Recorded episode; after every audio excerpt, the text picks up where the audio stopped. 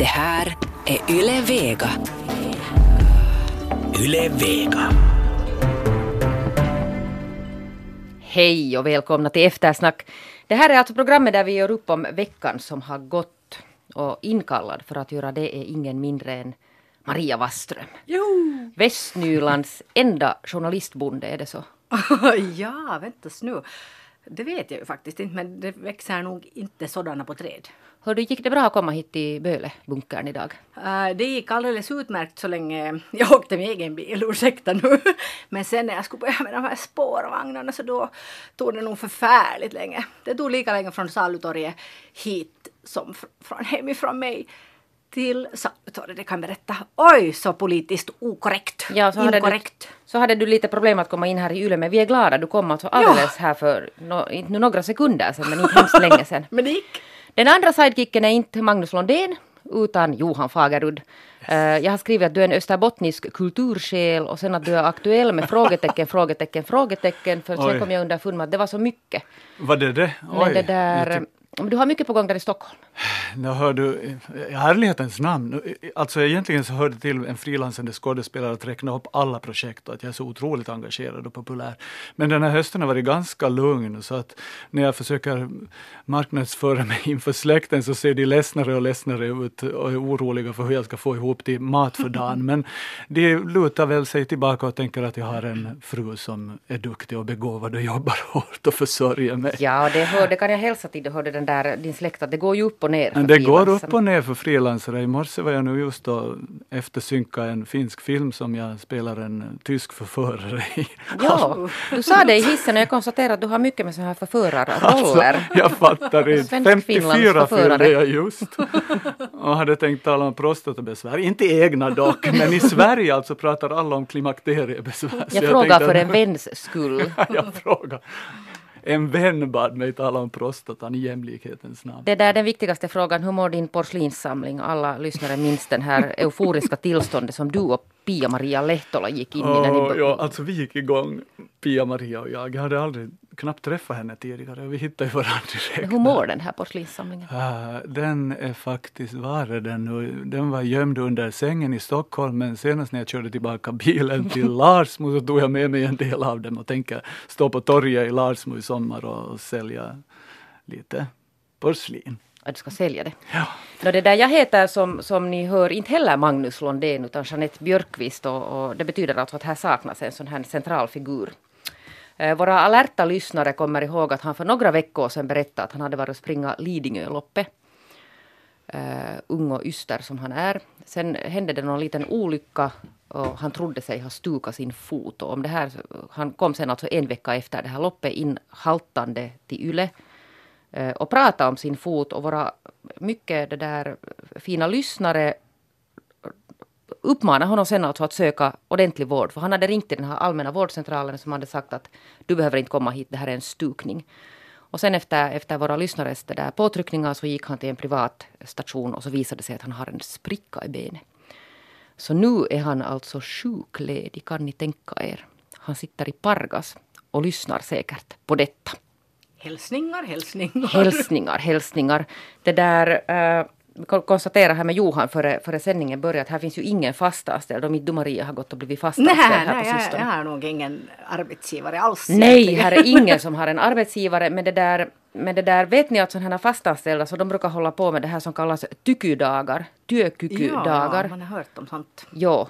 Men alltså är Magnus fastanställd? Nej, han är verkligen inte fastanställd heller. Så, han är företagare. Hur gör han nu då när han är sjuk?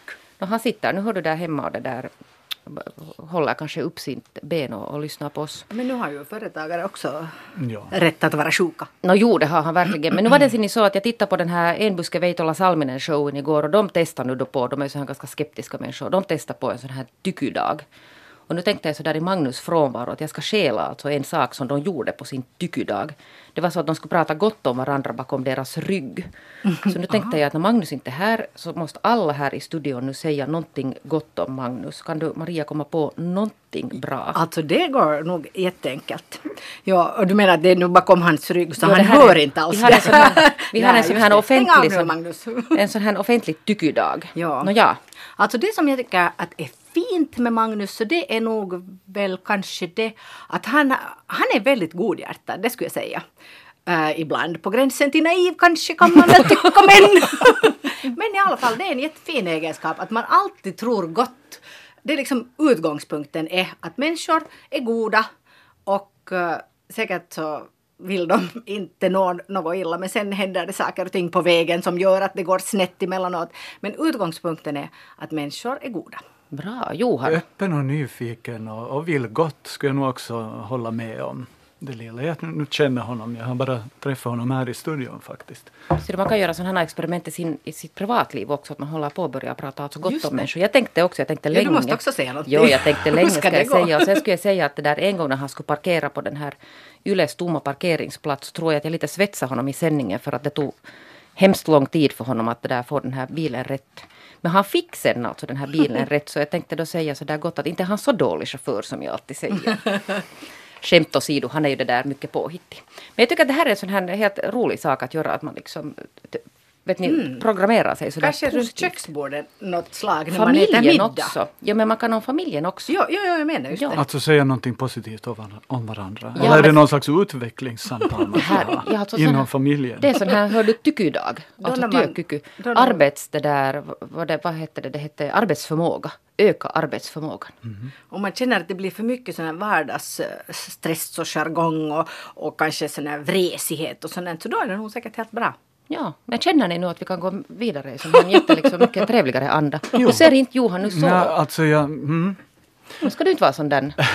negativ och sprida negativ vi, ta sen, vi kan ta sen efter sändningen så här tycker här på, oss, på, på varandra också. Det där, uh, men, men vad har då hänt den här veckan? Hör, du, hör ni, den här regeringen, har ni nu förtroende för vår regering? Nej, jag tycker ni ska vara glada att ni har en regering. I Sverige så har vi ingen regering. ja, just det. Vad är sen bättre? nu sen bättre. ja, vad är bättre, Maria? onda ting.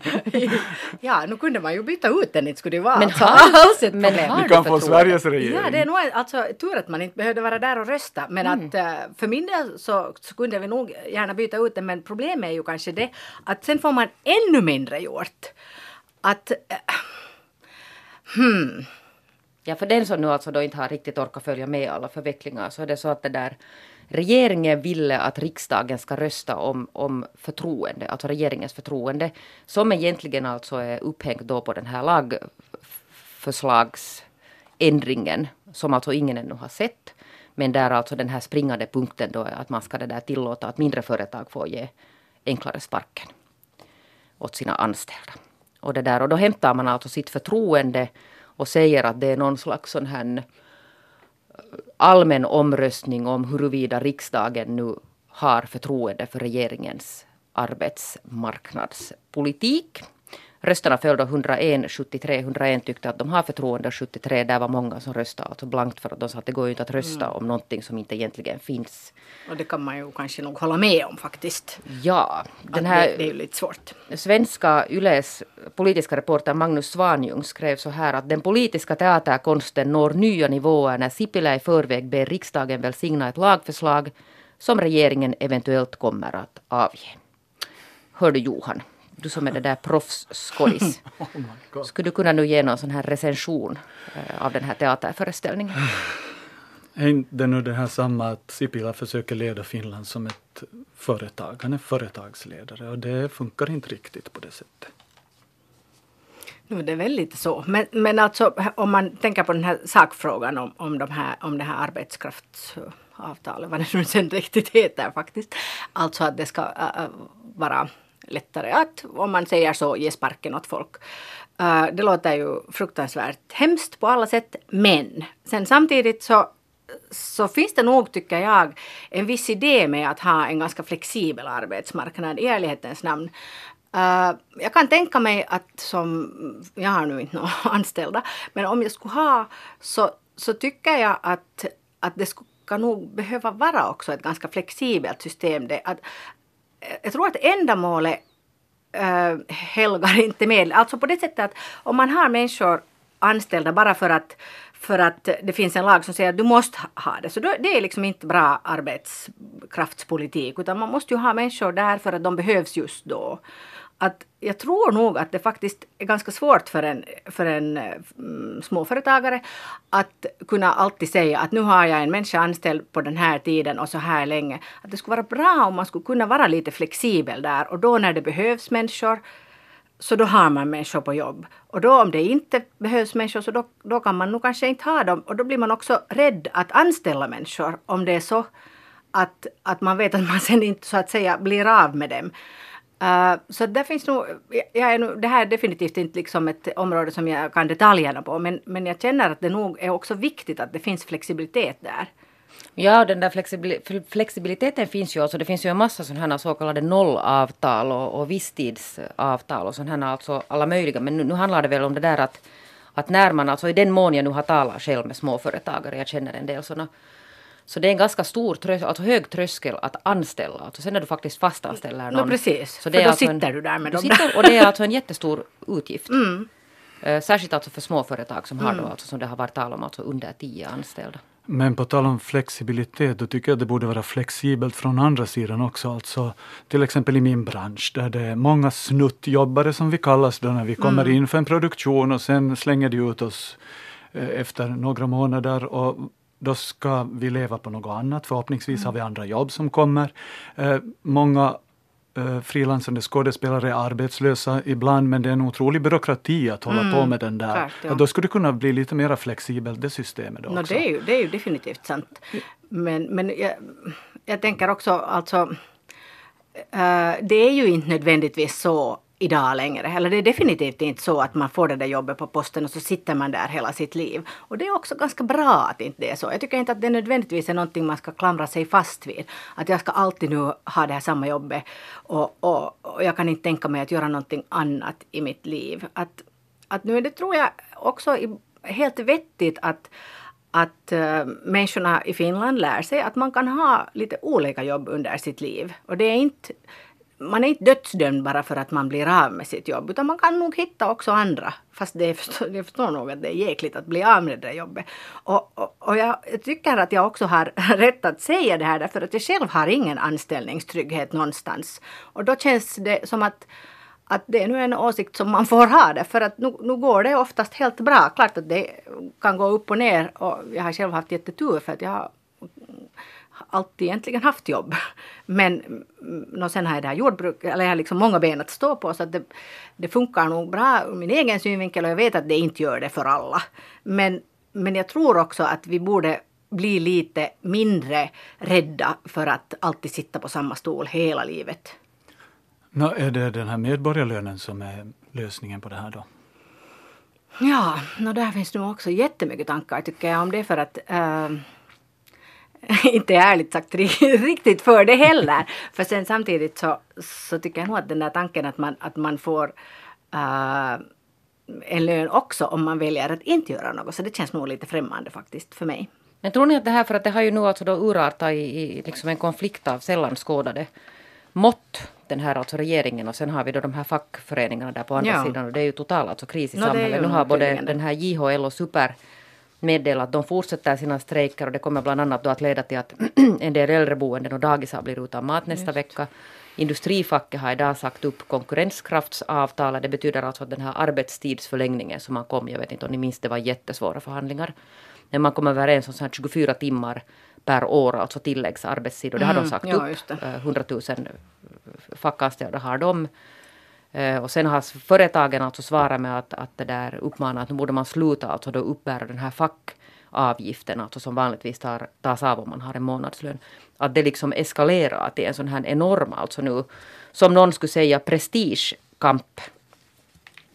Att det där, är det sen rimliga reaktioner? Vad tycker ni om fackföreningarnas Ja, jag tror att det kom fram ur min synvinkel där under no, mellan raderna. Jag är ju nog en vän av facket och tycker att facket har en viktig uppgift. jag menar, nu är det ju lätt hänt att företagsledaren Sipilä ser på, ser på saken från företagsledarens håll och tycker att att nej men jag ska ha rätt att säga upp den här människan när jag inte behöver den här människan. Men då måste ju finnas någon som tar hand om den här människan i, under de perioder när det inte finns det där jobbet. Um, och um, ja. Men inte blir man ju kastad ut på gatan i dagens läge i Finland. Nu har ju alla rätt till en arbetslöshetsersättning. när man blir så att säga kastad ut på No, gatan? alltså jag har, Ja, på samma sätt som företagarna du, har ju varit, lite varit svagare. lyckligt lottad på det sättet att jag inte behövt ty mig till den, men om jag har har förstått mina kollegor rätt så är det ganska byråkratiskt, Mm. det är förknippat med ganska mycket förnedring, det är inte så där självklart att, att jaha, du är arbetslös, att varsågod, då får du lite, utan det ska, Mm. du ska dit med och, och vara ganska ödmjuk och blir lätt misstrodd också. Ja, det kan, det kan Så bra att, stämma nog. Sen, men sen Att tycker jag attityden, jag tycker du var inne på någonting där med att, att förknippas med att när man har jobb då är man värdefull och när man inte har jobb så är man värdelös. Jag tycker det lever lite kvar. jag- nej, jag- jag nej, nej, så? nej, nej, jag menar inte du. Jag menar att attityden finns lite Ja. i samhället ännu. Jo men det är dumt och jag tror att det faktiskt håller på att ändras. Därför att i dagens läge så, så drabbar nog uh, arbetslösheten alla, alltså alla nivåer så att säga. Människor med alla slags utbildningar och alla, mm, ja.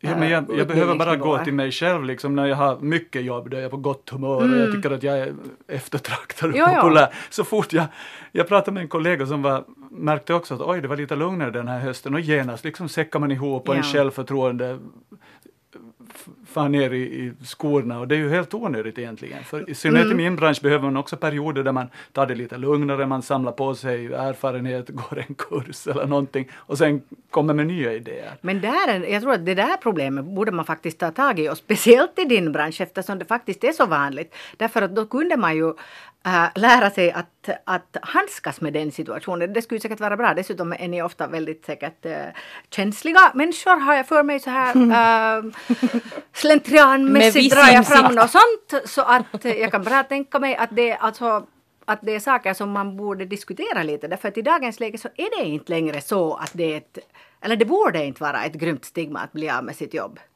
Det, det är något som vi borde jobba med. Men tror ni att här finns också något, för jag har själv funderat det här som, som having been, alltså nästan hela delen av mitt liv fastanställd och fackaktiv. Alltså dessutom, tror ni att här finns alltså någon sån här, nu, sån här klyfta också mellan den här liksom fackföreningen, alltså anställda Ja. människor och sen alltså sådana som sitter här i den här studion varav ingen är anställd. För jag tänkte att nu skulle det ju ha varit skönt någon gång om facket skulle ha engagerat sig med sån här kraft det- för en massa märkliga Ja. alltså, avtal till Ja. Mm. exempel. Ja, no, jag är nog inte med i något fack, åtminstone äh, längre. Nu var jag kanske någon gång i världen. Men, men det där, äh, inte gjorde de då eller något för mig. Men det var väl säkert för att jag hade jobb. Men, men äh, jag kan tro att, att det nog är så att den här klyftan bara växer. Och sen just med sådana här strejker också. Det, det, jag tror inte att det liksom, den här klyftan växer ännu mera. Jag tror inte att, Så är du, tycker du att det är bra eller dåligt att de, att de Jag tycker det är dåligt. strejkar? Johan? Nu, nu satte du lite, vad heter det, groll i hjärnan. Nej, vad heter det här med, med facken, menar du att, att, Att de, de alltså- jobbar främst för de fastanställda? Nej, nej, utan det här att de det där går nu mot sån, att, till sådana här kampmedel mot regeringen. Nå, nu tycker jag att de kan få visa sin styrka lite. Nåja, vi har nu knappast sett hörni vad som ännu händer, händer idag. Det är först fredag och klockan är 15.21. Det hinner hända vad som helst medan vi sitter här ännu. Jag ska riktigt kort ännu vilja prata om den här regeringen för att, för att jag är så fascinerad av, av denna regering. Det här Vasa centralsjukhus, Johan, du som är Österbottens representant i studion. Nu det där har de ju då röstat i riksdagens social och hälsovårdsutskott om den här, eh, om den ska ha eller inte ha en sån här omfattande jour. Eh, Med rösterna 9-7 kom fram till att den inte ska ha och där finns då den här lilla, lilla eh, kruxet här att centra, eh, vad heter det, Centerpartiets Pekka Puska som ju egentligen alltså har varit för det här så han säger sig ha blivit utsatt för påtryckningar av bland annat Samlingspartiet. Eh, om han ska, om man nu, det här är alltså min tolkning eller min, min där slutsats. Om han skulle ha fått rösta enligt sitt samvete så skulle rösterna ha fallit 8-8 och då vet jag inte sen kanske ordförandes röst skulle ha avgjort. Men vilket det där, tyder på att det skulle ha blivit ett annat resultat. Ja, men har du nu någon hälsning till regeringspartierna? Äh, när jag såg på nyheterna igår och så röster från Vasa, alltså nu bor jag ju själv i Stockholm men jag har ju en Men du bor nästan i Vasa, koppling till ja. Vasa och till Österbotten och jag förstår nog det mycket väl att de blir oroliga. För att om det här tas bort från sjukhuset är, är risken stor att också annat plockas bort. Och det är ett fungerande sjukhus som är tvåspråkigt. Eh, Du får vård på svenska på ett centralsjukhus och det är fantastiskt. Eh, och det tror jag inte riktigt på att det funkar ifall du mitt i natten kommer till Seinejoki. Du tror helt fel för de här samlingspartistiska medlemmarna, det här utskottet säger att det funkar jättebra. Ja. Men den vanliga jouren finns ju kvar där. Att om du, Och det behöver, betyder nog inte alls att jag alltså skulle vara för den här. Jag tycker definitivt att, att det var eller väldigt underligt att han inte fick säga buskad och fick, fick stå för det som han tycker.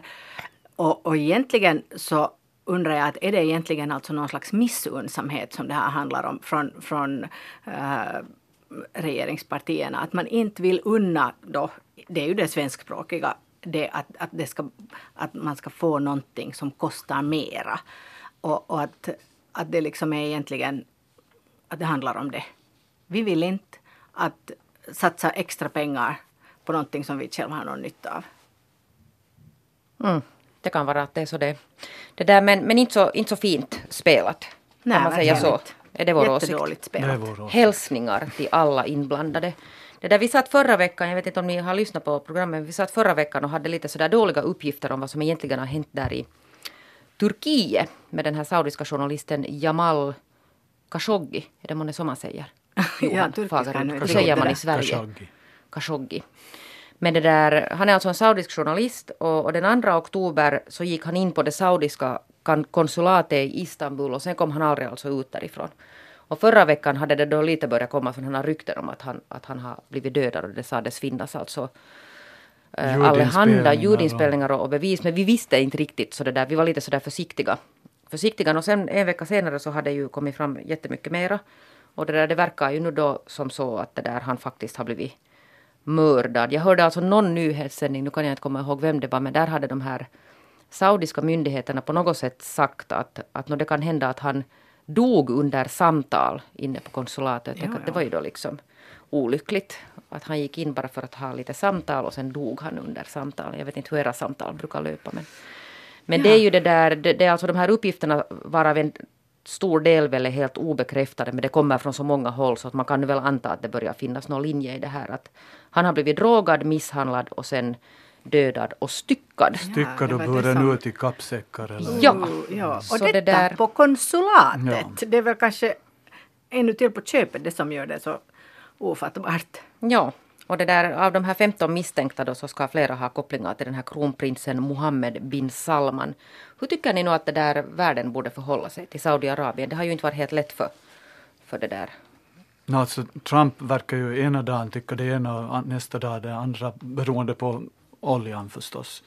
Men, men jag tycker att det handlar dels om Saudiarabien men det handlar ju om, om hela förhållandet till journalistik och till journalisters rätt att eh, ifrågasätta saker. Och så som Trump har betett sig och ifrågasatt fri press så, så tycker jag att det finns en risk för att också andra tycker att de kan behandla journalister hur som helst. Och det är livsfarligt tycker jag. Ja, att man får liksom uh, vatten på sin kvarn. Att det är helt okej det här. Man får det bekräftat också att om man nu i USA kan kritisera fast det ja, kanske så är det det släpper med ord loss men galningarna tycker jag. ja, ja, det kan hända att tröskeln blir lägre också ju mer det kommer sådana märkligheter därifrån Amerika. Men ni tänker alltså kanske nu inte så långt som till att, att man börjar ta Nå, nej, av journalister utan Nej, överhuvudtaget nej, sådana angrepp mot Nej men angrepp och ifrågasättande av fria, Ordet. fria ordet leder också till värre saker är jag rädd. Men alltså det här var ju extremt förstås. Men det har hänt flera mord. Ja, det har gjort Jag det. menar i Bulgarien. Ja. Och, och nu tycker jag att där är ju jätteviktigt att de länder då, eller i sådana här förhandlingar och när man har att göra med sådana länder, så nu måste man ju, nu måste man ju beakta det att inte kan man då bara äh, tycka att det här är som vilken handelspartner som helst till exempel att man kan sälja äh, vapen eller vad som helst som man kan sälja till, till länder och att nu, nu, nu tycker jag att sånt här borde påverka också den relation som finns länder emellan när man, när man det där gör upp avtal och ja, att allt liksom hänger ihop, att man kan inte separera sen de här ekonomiska intressena och det Nå, finns ju nej. alltså uppenbart alltså stora Ja. ekonomiska Jo, intressen. jo, det är ju därför som det förstås har setts lite mellan fingrarna för att eh, man, man vill inte riskera det som det som man har att vinna sen. Så därför så ska vi nu inte kritisera här. Borde vi vara hårdare mot Saudiarabien? Ja, Ja, definitivt ska det här det. inte accepteras. Om det Mm. nu stämmer. Men på tal om det där som du sa om, om just det här, alltså, nu, om vi nu bortser från, från sån här, alltså, de, de här mest extrema, alltså att man tar livet av journalister av. Han var ju alltså en, en stor kritiker av den saudiska regimen, den här journalisten som blev dödad nu. Men det där... Han men det hade ju här, varit vän tidigare men nu med, när den här prinsen kom så det var ju där det... ja, han verkar inte vara helt det där. Han, han har ju gjort en hel del det där reformer, den här prinsen. Bland annat har- är det ju han då som har sett till att kvinnor igen får eh, köra bil. Eller att Ja, kvinnor då- får köra bil. Det är ju en sån här stor... Han fick jättemycket poäng eh, men, men sen det där samtidigt så har det här antalet avrättningar och, och det där fängslanden av, av eh, hans kritiker ökat dramatiskt. Det är ju och det ganska liksom- ett smart drag att man gör en reform som är sådär positiv så att Och får världen jättestor synlighet. Precis och sen där när, när alla fokuserar på det så kan man göra allt möjligt annat som man kanske inte vill att, att ska synas utåt. Men vi hade här i Finland och dessutom tror jag att det kom precis i Sverige idag också. Det har kommit en sån här stor dom på tal om alltså pressfrihet och yttrandefrihet och, och gränser för sånt. Uh, Ilja Janitskin, uh, alltså MV-lehti, den här Jag vet inte riktigt hur man ska kategorisera det men, men den här skräppublikationen som alltså har tillåtits existera på, på nätet. eh, Som där Ilja Janitskin alltså har varit den här ansvariga. Så han har dömts till ett år och tio månader fängelse. Och Johan Bäckman har dömts till ett år fängelse tror jag. Tror jag det var. Bland Det annat var för att de har... hans. Ja, bland annat för att de hade där under lång tid förföljt uh, den här yle-journalisten Jessica Aro. Bland annat alltså många, många andra har också varit utsatta alltså för dem och sen alltså deras, deras anhängares det där riktigt alltså det där jobbiga sån här En villkorlig dom men känns nog ganska faktiskt tunn i sammanhanget. Alltså Ja, den men ena alltså fick fängelse. Ja. Ja, Janitskin Ja. fick. Och det där han sitter nu, jag tror att han har suttit det där ganska länge. Men i alla fall Mm. alltså, så, så, så ser många det här nu som en sån här markering att, att, att nu sätter liksom det här finska rättsväsendet väsendet ner foten och säger att det är inte okej det här. För att det är ju inte något nytt det här. Mm. Att forskare och journalister till exempel är utsatta för, för allt möjligt. Och just i den här andan med fake news och liksom konspirationsteorier och, och sådana här saker som också drivs därifrån. Jag tycker det var en viktig dom. Mm. Den kunde ha varit kanske Du ska ha helt lite hårdare. ännu hårdare. Ja, jag tycker. Den ska ju gå vidare säkert till hovrätten. Jag tror inte att man nöjer sig med det här. Men det där, men det där du, skulle, du skulle skärpa hårdare. No, jag tycker att villkorliga fängelsestraff i, en sån här, i ett sånt här sammanhang så det tycker jag nog att det är ganska faktiskt Men är ni, lindrigt. är ni oro, oro, oroade alltså för, för journalistiken och journalisternas eller forskarnas överhuvudtaget, alltså den här yttrandefrihetsläget i landet? Uh, ja, ja, delvis men att uh, alltså det, här vad ska jag nu säga egentligen? Uh, ja, det, jag tycker att det är en viktig markering nog men att jag tycker att då måste man också följa upp det därför att uh, eftersom det knappast kommer att ta slut i och med det här och, och kanske inte heller skrämma så hemskt många. Så att uh, Uh, det- det här är nu förstås ett, en uh, poäng som man måste sen följa upp så att det säkert uh, liksom fortsätter också. Så tror jag. Här var ju den där, eh, den här, nu kommer jag tyvärr inte ihåg vad hon heter, men det var en sån här socialdemokratisk ung kvinna som i tiden startade den här den här, alltså, eller det var hon som på något sätt medvetande gjorde eh, annonsörer om att deras annonser förekommer i det här MV. Den här MV-publikationen. Som ledde sen till alltså att en massa annonsörer drog bort sina annonser. De ville inte alltså ha sina, vilket man ju mycket väl kan förstå. Den som har någon gång tittat på det här så, så förstår att ingen med, med det där samvete vill väl synas i, i de här sammanhangen. Och det hade lett till, alltså hon intervjuades i Helsingin Sanomat här var det igår, till alltså ett omfattande alltså, sån här angrepp av dessa alltså nättroll som pågick alltså länge och det var jättegrovt och det slutade med att hon alltså låste in sig i sitt hem och inte vågade gå ut mera och sen till slut så flyttade hon till, till Bryssel och blev gravid och vågade liksom, hon, blev, hon var så rädd alltså att, det där, att hon inte vågade komma tillbaka till Finland för att hon var så rädd för alltså den här, samma det här alltså gänget som som det där drev henne. Jag tror inte att hon var inblandad i den här rättegången. Men, men nu känns det ju som att det har fått gå alltså väldigt långt. och de här alltså förföljelse, sådana här kampanjer har ju pågått alltså i åratal mot en del, främst faktiskt kvinnor, som på något sätt har varit, synts i de här sammanhangen. Ja, jag tror att när man talar om dem så där ganska allmänt så tänker man att det är nu inte kanske så farligt. För man, då kanske man inte heller alltid har, har liksom riktigt eh, tagit reda på att vad handlar det om, hundar under, hur lång tid till exempel och hurdana slags trakasserier det rör sig om. Att det är ganska lätt att avfärda och säga så att, Nå, men att, det, att man får nu ta lite när man är journalist. Jo, det där har jag hört alltså att det- mycket, att, man, att ni tål ingen men det handlar ju kritik. inte om det, att Nej. man måste klart skilja på de sakerna. För det är klart att man får ta en del och man, får, man måste tåla, att inte det det det handlar om. Men det är ju sen andra, andra typs saker och mycket, mycket, mycket allvarligare. Men det där har nog diskuterats mycket i Sverige nu på senaste tid också. I synnerhet kvinnliga programledare. Så fort de syns lite mera i rutan så får de massa skit på nätet. Så där tycker jag det är viktigt att det kommer tydlig signal att det här accepteras inte. Mm. Både från eh, arbetsgivare men också från att det kommer domar från rättsväsendet. Att det här är inte tillåtet att bete sig på det här sättet. Ja, alltså jag måste säga själv att jag är där förvånad över att det har kommit, alltså att det har tagit så länge Ja. vi har kommit hit. När man följer med alltså en del, särskilt finska kollegors.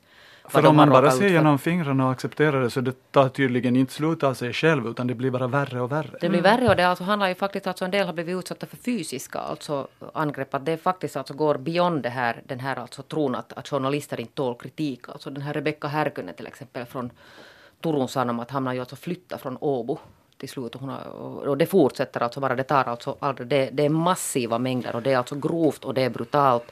Och det är sån här, alltså helt sån här hot som, som riktar sig mot hemadresser och, Men det är det jag familj. menar när vi har en sån som Trump. Vi orkar inte tjata om honom hela tiden men alltså det sätt han talar om journalister så tyvärr släpper det loss hemskheter hos oss. Eller hos människor. Alltså det ger, ger folk fri, vad heter det, tillåtelse att skriva vad som helst. Ja, jag tror att du har helt rätt där. Jag är också alltså jätteglad att den här domen kom ens, alltså fast det är villkorligt så, så det där ens det. Hörni, vet ni vad det där nybolsjevism är för någonting?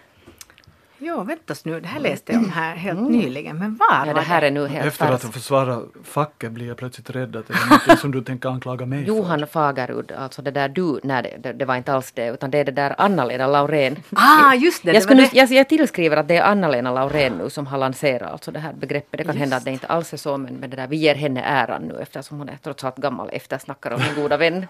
Hon skrev det där en, en kolumn i, i Dagens Nyheter och Husis. Eh, skulle det nu ha varit kanske förra söndagen och det var nu i alla fall ungefär så där efter senaste eftersnack i alla fall. Och den blev nu jättepopulär vad jag har tittat där på, på SOME, sociala medierna. Det, där, det handlar alltså om den här, den här vurmen som företag har för att digitalisera service. Alltså att man hittar på något, så att man digitaliserar saker och sen funkar det inte. Och sen det där, så leker man att, att det funkar i alla fall och det är liksom sån här förnekelse på något tillstånd. Och hon tar då som exempel bland annat sådana här tåg som inte får sälja biljetter utan man ska ha några appar och sådana här bank- banker som har sådana här chattar som inte svarar och, och system vet ni, som kraschar, alltså sådana här nya system. Eh, uh, telefon, vad heter det, robotstyrd telefonservice och bla bla, alltså you name it.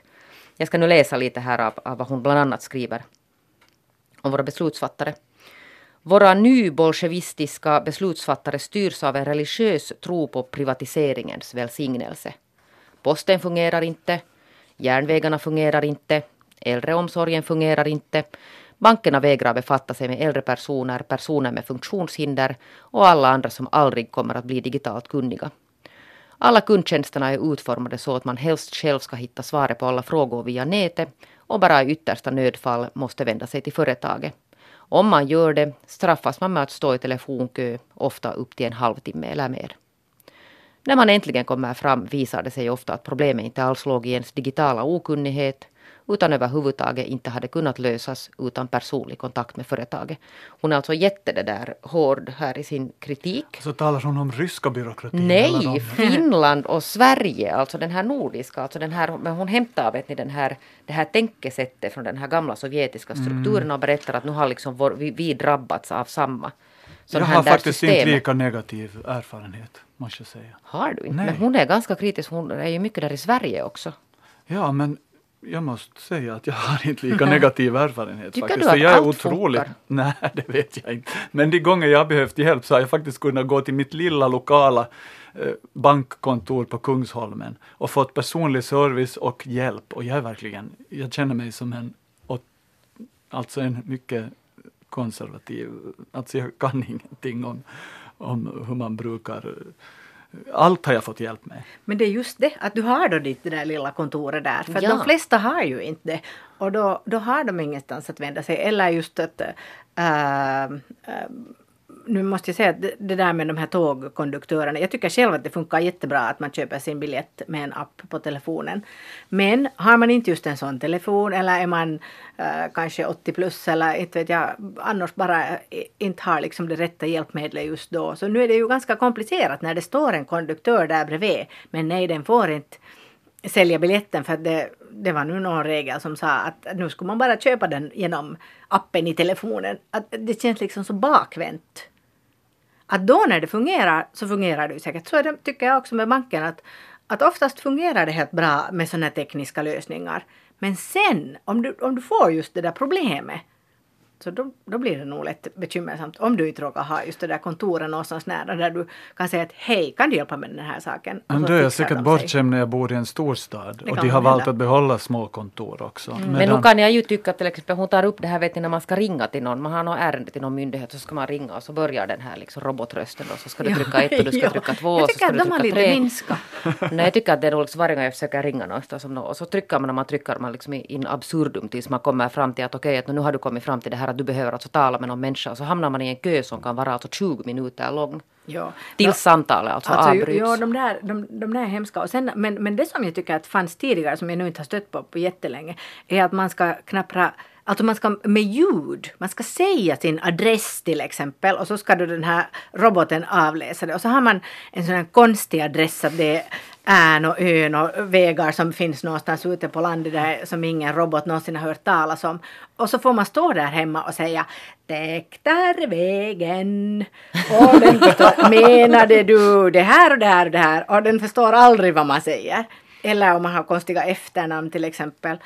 Uh, har ni aldrig stött på sådana robotar? De Nej. är förjäkliga. Men hon hade sig där i Sverige också, nu vet jag inte, är du bättre på att härma så här rikssvenska accent Johan, för att hon hade också den här svenska robotarna som har svårigheter med det här finlandssvenska ske-ljudet. Ja, ja, det att det ska vara det här. Det har jag stött på. Ja, just det. Ja, ja, säkert. Nej, det, det, är inte så lätt det där. Nej, nej, för roboten förstår bara ett visst ljud. Alltså. Men kan du försöka dig på det? Nej. Ingen annan Mina döttrar, om de hör mig så får jag utskällning. Hör ni det där Maria Wasström, vad har du tänkt på den här veckan som gick? Hör du? Uh, uh, ja, jag har ju egentligen tänkt på det att jag har börjat en hobby. Oh. och det har, det, det har det där faktiskt tagit mina tankar här det var nämligen igår som jag var första gången. Och det var jättespännande. Det var en kurs i möbeltapetsering. Och det här är nu första gången i mitt liv som jag går på en sån kurs och det är egentligen första gången på, ja säkert 20 år som jag överhuvudtaget har något som man kan kalla som en hobby. Mitt liv är ganska nog, eh, alltså kalendern är fullsatt med allt möjligt men inte vet jag om jag kan kalla någonting riktigt som en hobby utan det är liksom all världens verksamhet av olika slag som är mer eller mindre frivillig. Men, men det att jag nu har bestämt mig att Uh, nu ska jag gå på den här kursen som är bara till, uh, i, alltså för, som jag har valt därför att jag vill gå på den. Och jag gör det inte för att uh, mina barn borde köras någonstans eller för att det lite hör till att man är med i någon viss förening där man bor eller något annat. Utan det här är nu ett, ett val alltså som jag har gjort. Och det kändes plötsligt som att nu blev jag vuxen. Men en otroligt skön känsla alltså att, att skaffa sig en hobby och det tänkte jag att, att det, det ska jag rekommendera nu för alla. Jag vet inte, kanske då när man var liten så hade man sådana här minnesböcker, eller vad hette de här böckerna, nu minns jag inte riktigt, där man skulle skriva in vad man har för hobbyer och sådär. Inte de här kompisböckerna? Ja, precis. Och där var det alltid vara med kompisar, lyssna på musik eller något sånt här vad man nu hade. Och då hade man ju ofta på den tiden kanske just en någon sån kurs eller klubb eller något som man också var med i. Men nu tyckte jag att det här var liksom att, att nu skulle jag kunna skriva in i en sån här kompisbok att jag har en hobby. du har alltså en organiserad hobby? Ja, ja, och det känns jätteroligt. Har du Johan någon organiserad hobby? Nej. jo. Alltså, det är den där porslinssamlingen under sängen i så fall. Men den är, det låter lite oorganiserad. Den lite för. Men det är väl inte särskilt Springa på loppis och rädda de där Finlands fin, finländska prylarna tillbaka till Finland. Det är min stora hobby. Eh, nej, jag har ingen hobby. Men hur, är det som gör att du tycker att det är så bra, Maria? Ja, jag vet är inte. det någon struktur som du får eller någon no, egen tid? Eller? Nej, jag tror nog att ja, det är nog kanske det. Och det är just det här att det är liksom inte det som rullar på sådär i vardagen. När man, när man har hemskt mycket måsten av alla slag. Att det här är nu något som jag har valt. Jag känner, in, insåg plötsligt att det är ganska få saker som man sådär bara väljer. Förutom det som man, alltså som är åtminstone någon slags regelbunden verksamhet. Ja, det fick mig att må väldigt bra det här. Men hade du någon kunskap i så hade Nej, du nej. möbeltapetsering? Så det är helt nytt alltså dessutom? Ja, det är Hur helt kom du på just den hobbyn? No, det var det att jag, jag hittade på, på loppis en fin Loppis. stol. Loppis. Ja, eller en två. Och så tänkte jag att den där är nog ganska fin men att, att borde man egentligen klä om den kanske. Och så funderade jag att ja, att, att jag skulle nog kanske kunna göra det själv. Att det kan inte vara så himla svårt. Men sen tänkte jag att kanske jag inte ändå är riktigt, att månne det sen blir bra om jag nu bara sätter igång med det här. Att nu finns det säkert någon Youtube-video på det också som man kan kolla. Men, men sen råkade det sig så att det faktiskt gick en kurs där i hemkommunen. Eh, och det där. Så det var ju ganska enkelt. Det var att plötsligt bara då anmäla sig. Men nu var det på grund av olika saker som, eh, som det där, eh, alltså den började först igår då det var Annars så skulle den egentligen ha börjat för länge sedan redan. Men, Ja, så du har varit en gång? så jag har varit här, en gång okej. nu så det är lite nytt ännu. Det är väl därför jag jag, tror jag är att så det är här jätte- euforisk. Jag tror att det är jättebra alltså det där om inte man då mäktar med att gå till alltså en sån här ledd hobby eller organiserad hobby så där att man lär, alltså att man lär sig någonting nytt, att man tar alltså något nytt område. No, också det. Och det är ja. jättelätt att Nya sitta filer i huvudet, ja det är säkert Ja, och det, det är jättelätt att sitta och säga och sen så är det ganska Ja. svårt sen att göra det. Till Ja, det exempel så det. där att jag har gått i, i åratal och sagt att jag ska lära mig spanska. Och jag ska lära mig spanska och sen gör jag ingenting för att lära mig spanska. Nej, just Och det. nu, nu borde jag kanske göra någonting åt saker för jag tror att man mår jättebra av att, Mhm. att det där hitta på nya saker. Så vad ska ni nu skaffa för hobby? Ja, spanskan. spanskan. Men fråga inte mig fler, i alla fall inom några år. Men nu, jag tror att också en del av det där är nu att, att det, det blir inte riktigt lika bra om det inte känns som att, att man gör det också egentligen helt och hållet för att det är roligt. Du har den här nyttoaspekten Nej, utan det är den där du att, man borde, alltså jag tror jag, jag har lite dålig självdisciplin, det är ju bra när man är frilansare men det där att, att det borde kanske vara någon sån här organiserad ändå. Att det, där, för det finns ju massa bra appar men, men det där det kanske inte är så Ja. lätt att det där ta dem till sig. Hörde Johan Fagerud, vad har du tänkt på den här veckan? Kira Korpi. Men henne har ni säkert pratat om redan. Nej. Nej, alltså Kira Korpi kom ju ut med en bok om hur jobbigt det har varit att vara, Ah, just det. vad är det hon har varit, konstberiderska tänkte jag säga, men det Konståkare. konståkare. Och så såg jag att den här före detta ordförande för, för konståkningsförbundet, eller vad det nu heter, Susanna Rahkamo var som helt oförstående och tänkte att nej, men vad, vad är nu det där och vad marrar hon om? Och jag var helt chockad att kunde hon inte vara lite empatisk och, och fundera över att varför hade nu Kira Korpi mått så dåligt när hon hade tränat hårt? Eh, hon svarar väl bara att nej, men hon vet ju att det är en bransch, man måste ge allt och man måste träna hårt. Det, det vet vi alla, att det är jättehårt om man ska vara i, elitidrottare. Men jag tycker att, att jag under den här veckan faktiskt har stött på både här och där elitidrottare som har klagat över, det. de har gått in i väggen, de har blivit deprimerade, de, de, så tydligen eh, jag tycker just för att de är elitidrottare så måste det finnas ett, ett skyddsnät eller Ja. folk som tar hand om dem så att de ska kunna prestera allt det som vi vill att de ska prestera. Eh, och, och nu såg jag idag faktiskt i huset att finlandssvenska idrott, eller vad det hette, Idrotts... Ja. idrotts någonting, så in, har initierat någon slags kampanj för unga flickor som håller på med idrott, att de ska få eh, kanske skolning själva, men också att ledarna ska få skolning i hur man tar hand om de här energiska, ivriga, aktiva flickorna på bästa sätt. Sen när de möter eh, motstånd, jag menar, är man elitidrottare eller inte ens på högsta nivå så möter man ju ändå, man kan möta trakasserier, man kan möta sexuella trakasserier, man kan möta både det ena och det andra. Och då behövs det finnas ett, ett eh, ehm, skyddsnät och folk som kan ta hand om de här människorna. Så därför var jag ganska upprörd när jag läste hur, hur Kira Korpis eh, ledare reagerar på att hon vågar ifrågasätta någonting. Sen är det ju typiskt att hon vågar ifrågasätta först efter att hon har hoppat, eller inte hoppat men är är färdig med sin karriär. Så är det ofta i Sverige också. Patrik Sjöberg vå- vågar säga att han har varit sexuellt utnyttjad hela träningsperioden efter att han, hans karriär är över. För att man är liksom, man är så uppbunden av att man ska prestera, man ska vara duktig, man ska, man ska vara vad heter det, bra för sponsorerna. Inte det bra för en sponsor att, att man plötsligt säger att man är deprimerad eller att man är... Nej, jag tror inte att det är så lätt alls att ställa sig då när man Nej. är inne i det här. Inte ens fast man då skulle kanske vilja säga. Så och det är inte... kanske skulle behöva det, få, få liksom jobba med den biten Ja. för att sen kunna prestera igen, om det är det man vill. Samtidigt så tycker man ju att det här skulle vara verkligen en sak som, som skulle vara bekant för att jag menar även om man inte är så hemskt insatt i det så, så det kommer ju nog inte som en överraskning att det här är någonting som, som säkert drabbar många. Uh, och jag tänker att, att det måste ju vara liksom många, många, många, kanske flickor speciellt, eller nåja, det vet jag inte, men uh, som, som har alltså råkat ut för, för de här sakerna och just prestationskrav och sånt och det påverkar ju deras prestation också så att om man bara ser det, fast man bara ser det ur den synvinkeln så, så skulle det ju vara viktigt att ta itu med det.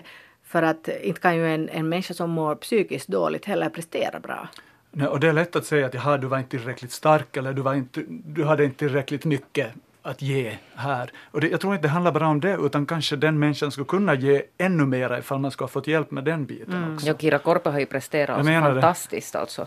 Hon är ju verkligen ja. alltså det där värd all, all Så där. jag blev lite glad att man tar itu med det jo, nu på finlandssvenskt håll. Jo, men det är ju alltså verkligen det där, det är ju verkligen det där illa av hennes ledare att det där inte ställa alltså ja. stöd Att det var den första impulsen att säga nej, inte finns det. Eller, ja, och det tycker jag faktiskt också att var ganska fult ja. för att det där, det är ju ändå liksom Kira Korpe är inte, är inte där riktigt nu, vem som helst, och det spelar ju inte någon roll att vem är den här som säger det här, men men det där att man nu kan ta det med lite mera respekt. Det kanske berättar också varför det är svårt att säga ja. då när man är mitt inne i det. Ja.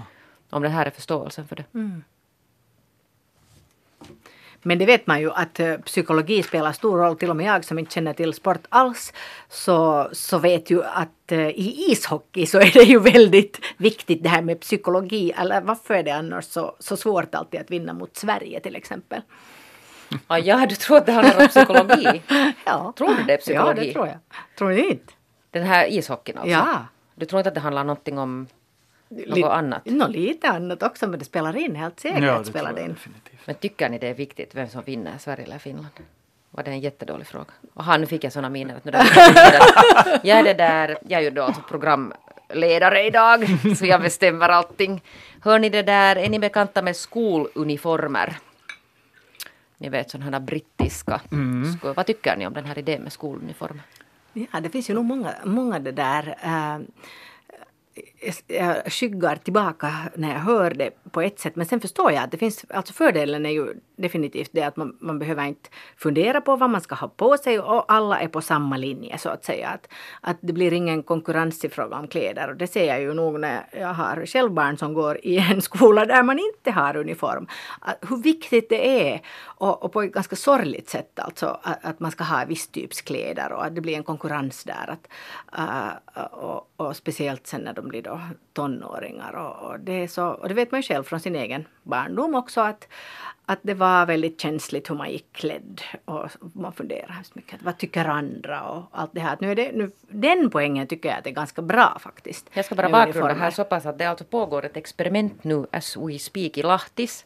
Eh, Harjun koulu så har det där sjätteklassisterna fått i uppdrag att göra någon slags alltså skolklädsel åt sig, bara för att testa. Alltså det är som ett sånt här på något sätt socialt Eleverna experiment. Eleverna har själva fått mm. komma med förslag. Det är ju bra. Ja, och de ville inte ha alltså någon skoluniform utan de där bestämde sig för att de, de designar en skjorta, alltså, alltså en mm. collegetröja. Och det gjorde de, den är helt snygg, den är svart, så står där alltså skolans namn på, på bröstet och sen på ryggen då nummer sex, sjätte klassen.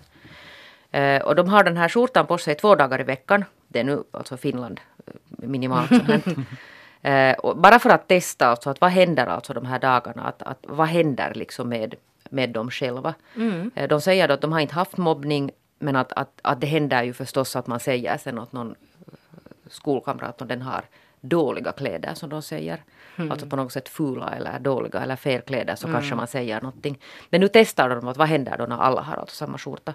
Och nu säger de det där, de håller på, alltså det är inte klart det här, det här experimentet men de säger att samhörigheten har förbättrats och sen eh, tycker de att det är ganska trevligt. Inte så att de skulle vilja ha alltså sådär att, att det är ett tvång att man alltid i skolan måste ha samma skjorta. Men sådär som ett, som ett försök så tycker de att det verkar ganska lyckat. Vi måste alltså återkomma sen när de har alltså resultat av det här. Men... Ja. Alltså som skådespelare så tycker jag ju att dräkten, det man har på sig på scenen är viktig och vad den signalerar, mm. att den ska vara någonting som fungerar i den roll man gör. Och jag är lite en vän av skoluniform. Alltså det där att dels så behöver du inte fundera vad ska du ta på dig på morgonen och dels tror jag att det motverkar den där mobbningen lite. Och sen är det också någonting med att den signalerar att nu går jag till skolan och nu är det där jag är och då gäller vissa regler och då gäller en viss uh, attityd. Ja, just det, du menar att det är att man någonting att man klär på sig nästan, jag hörde om lärare till exempel som är ytterst eh, medvetna om vad de har på sig när de kommer till lektion för att det signalerar någonting, att nu har jag klätt på mig lärarrollen.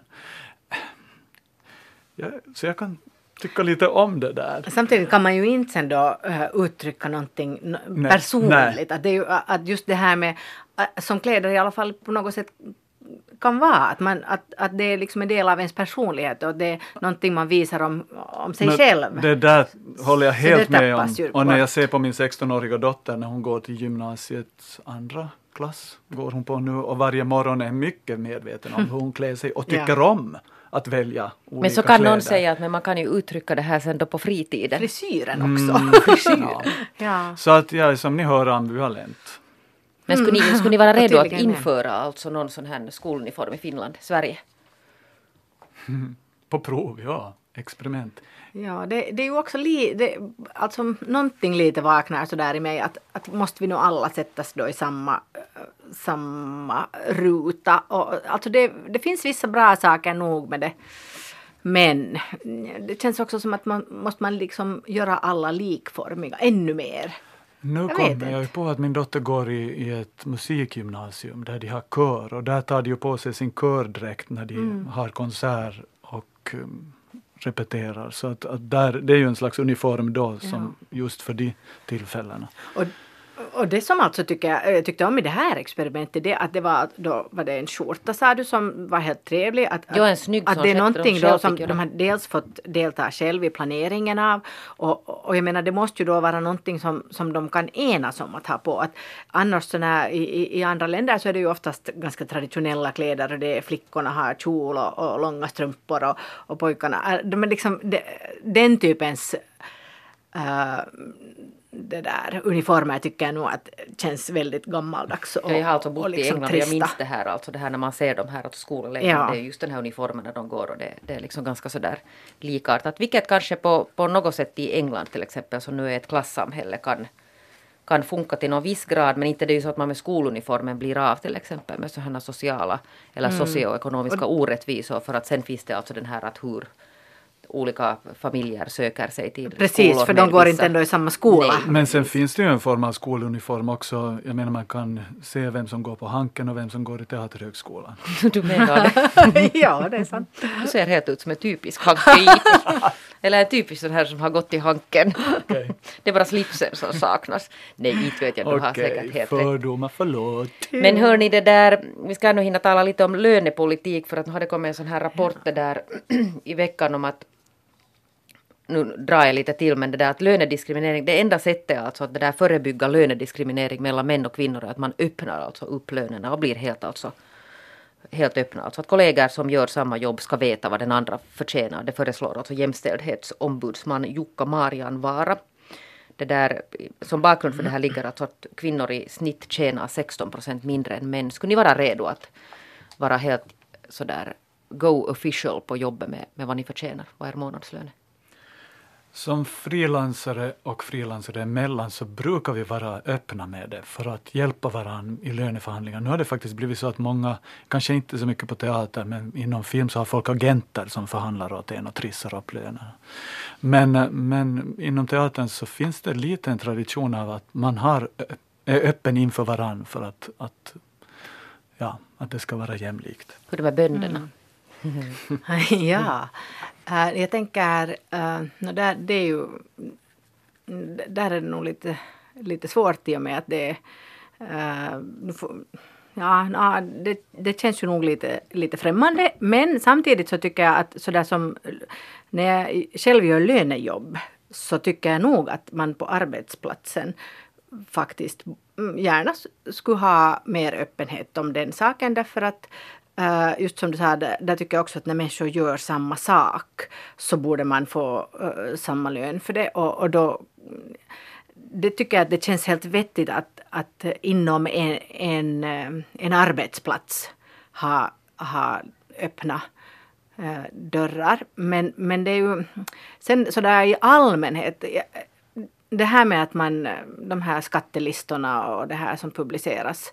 Så jag tror jag nu att det till exempel för något egentligen gott med sig alls. För jag tror att det bara föder missunnsamhet och, och liksom avundsjuka mellan folk. Att det är sen olika saker lite. Det här, det här liksom på en enskild arbetsplats, ja. Men att äh, kanske det också blir så att man, man liksom fokuserar hemskt mycket då just när de här listorna offentliggörs åtminstone. Så då fokuserar man ju, alla medier fokuserar på äh, höga löner i Jo, det är just de där höga lönerna som är... Och det, ja, och jag vet inte att, nå okej, på ett sätt är det kanske bra att man ser att så här ser verkligheten ut. Men, men det, det föder så mycket avundsjuka att, Men det kommer ju alltid ut sådana här snittabeller alltså för olika sådana här arbeten. Jag kan berätta och att det är där, ganska bra ju. Ja, men då när jag var det där ganska ny på huset så då hittade vi ungdomar, alltså vi, vi, jag var ung på den tiden. Hitta på att det där, alltså vi, på något sätt fick vi för oss att, att de här äldre kollegorna har alltså så mycket högre lön, alltså så, så mycket Mm. högre lön som inte alltså egentligen kan motiveras med det där. Och då gjorde vi ett sånt här löneupprop. Okej. Att, det, att vi uppmanar alla att hänga upp sina löneintyg på, på dörren och så ska man börja liksom jämföra. Och jag kan säga att det var bara vi unga som gjorde det här. Ja, Och det, där, och, Ja. och det ledde nu ingen vart men att det var nu i alla fall det där ett försök att... fast där- kan man ju nog fundera på det också att om man har jobbat på en arbetsplats väldigt länge och har väldigt mycket erfarenhet så ska det väl också ge någonting extra. Absolut, och det hade man ju slopat det här och det har jag, alltså jag håller helt med om det men sen alltså finns det alltså vissa sådana här skillnader som, Ja. som inte kan alltså förklaras bara med Nej, nej, erfarenhet no, det är utan sant där finns det något sådana här sådana här det där andra. Det skulle facken kunna också engagera sig i. Nu säger de faktiskt att de här, att de enda som egentligen kan det där göra någonting för den här lönejämlikheten är det där eh, facken. Det har de inte gjort tillräckligt mycket. De är så upptagna med att strejka mot regeringen och annat sånt. Det där, Maria du har hund, förstår den vad du säger? Ja, ja, absolut. Men frågan är om den, om den lyder mig för det. Alltså om den har något bättre att göra så, så väljer den kanske det. Men, men den förstår nog. Ja, det har helt rätt för att nu har det gjorts sån här amerikansk forskning i Emory University. De har utrett hundar och visat att, att det där, hundar förstår alltså mänsklig kommunikation, alltså så att de kan uppfatta ord. De har missat att det där undersöka katter. Men katter förstår förstås också ord. Det är alltså det där, det var eftersnack för idag. Tack Maria Wasström, tack Johan Fagerud. Nästa vecka kanske Magnus Londén är tillbaka med en lite friskare fot.